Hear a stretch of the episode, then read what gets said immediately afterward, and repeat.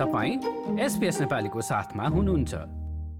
कानुनी रूपमा अठार वर्ष पुग्नुको अर्थ आमा बाबु अथवा हेरचाहकर्ताको जिम्मेवारी अब बाँकीका दिनमा रहन्न भन्ने हो। पच्चिस वर्ष मुनिका मानिसहरूलाई कानुनी र अन्य जानकारी एवं मद्दत गर्ने संस्था युथ ल अस्ट्रेलियामा वरिष्ठ सोलिसिटरका रूपमा कार्यरत केट रिचर्डसन वयस्क उमेरलाई कानुनले परिभाषित गरेको बताउँछिन् Across Australia, turning 18 and becoming an adult really means that your parents or guardians no longer have parental responsibility for you under the law. And as an adult, you're independent. So that means that you're responsible for yourself and your behaviors. While you're under 18 years old, in some situations, the child or young person has reduced capacity under the law. अस्ट्रेलियामा अठार वर्ष माथिका सबैले मत खसाल्नु पर्दछ यो उमेर सरकारले अनुमति दिएका ठाउँमा चुरोट एवं मादक पदार्थ किन्न पिउन र जुवा खेल्नका लागि पनि अधिकार पाउने उमेर हो सामान्यतया अठार वर्ष मुनिका मानिसहरूलाई मादक पदार्थ पिउने वा खरिद गर्ने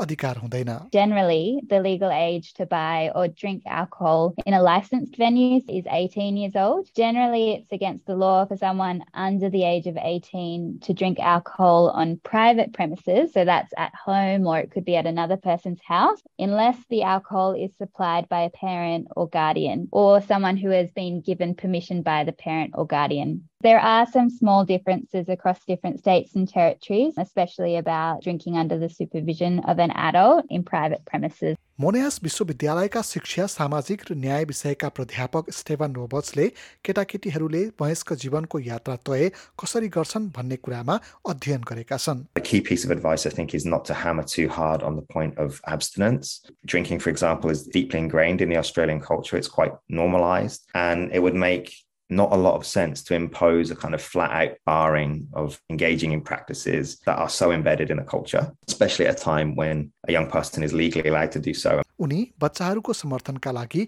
जिम्मेवारी पूर्वक पिउने लगायतका उत्कृष्ट अभ्यासहरू सिकाउन अभिभावकहरूलाई सुझाव दिन्छन् So things like pacing themselves, getting the balance right, and openly discussing pleasure as well as the social and health consequences of things like drinking too much. And they might also want to talk to their kids about finding ways to look out for one another in their friendship group so they can cultivate um, peer group norms of respect and care. I think moderation and understanding and open communication is a really critical thing to undertake at this important juncture. वयस्क उमेरमा पुगेपछि सामाजिक सुरक्षा भत्ताको पहुँचमा पनि परिवर्तन आउन सक्छ services अस्ट्रेलियाका प्रमुख कार्यकारी ह्याङ्क योङ्गेन पारिवारिक कर लाभ अन्तर्गतका दुई भागले आमा बाबुलाई बच्चा हुर्काउन मद्दत गर्ने बताउँछन् Part A is a payment for each child until they complete year 12 or an equivalent qualification. The other part of the payment is Family Tax Benefit Part B, which is the payment made per family, and generally eligibility is determined by the youngest child. However, it really depends on your individual family circumstances how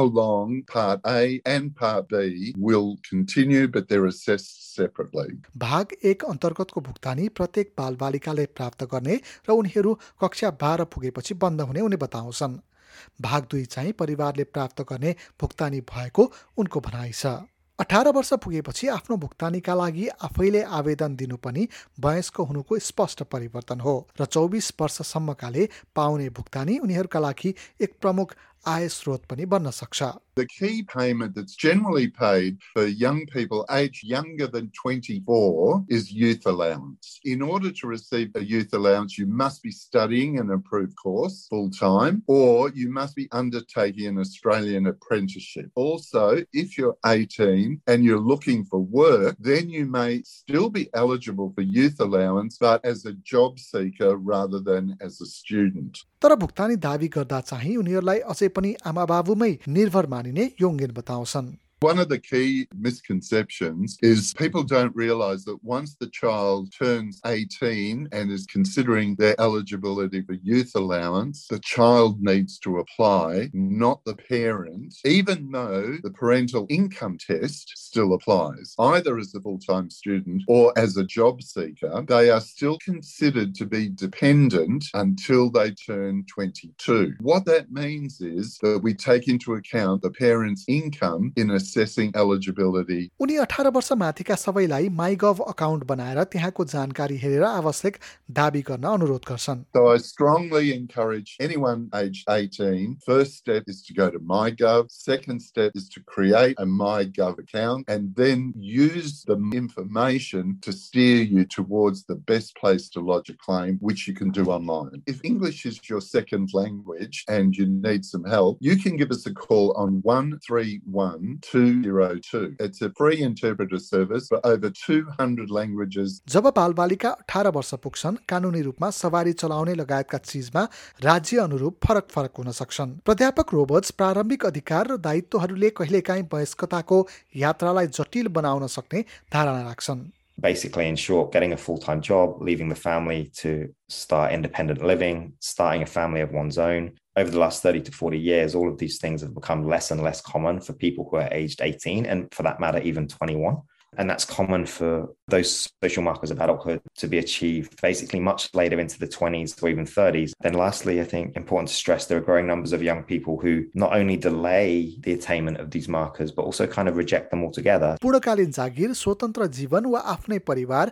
वयस्क हुनुको सामाजिक परिचयहरू भए पनि पछिल्लो पुस्तामा भने अठार वर्षभित्रैमा यो सब हुनु असामान्य रहेको उनी बताउँछन् रिचर्डसन अठार वर्ष पुग्दा वा नपुग्दा केही चिजहरू गर्न पाइने वा नपाउने भन्ने सधैँ नहुने बताउँछन् Some examples include you don't necessarily need to be 18 to have sex, to have a job, to have your own bank account, to consent to medical treatment, to leave school, to leave home, to be charged with a crime, or even to get free legal advice without a parent or guardian. उनका अनुसार आफ्नो अवस्था हेरेर त्यहाँका कानुनका बारेमा जानकारी लिनुपर्छ For example, a young person can consent to medical treatment under the age of 18 if the doctor thinks that they can understand the advantages and risks of the treatment. And when making this decision, the doctor considers many different factors. There are some circumstances where a young person under 18 can get a passport without permission of their parent or guardian. And there are quite a lot of special circumstances. So we do recommend that a young person gets legal advice to see if any could apply to them.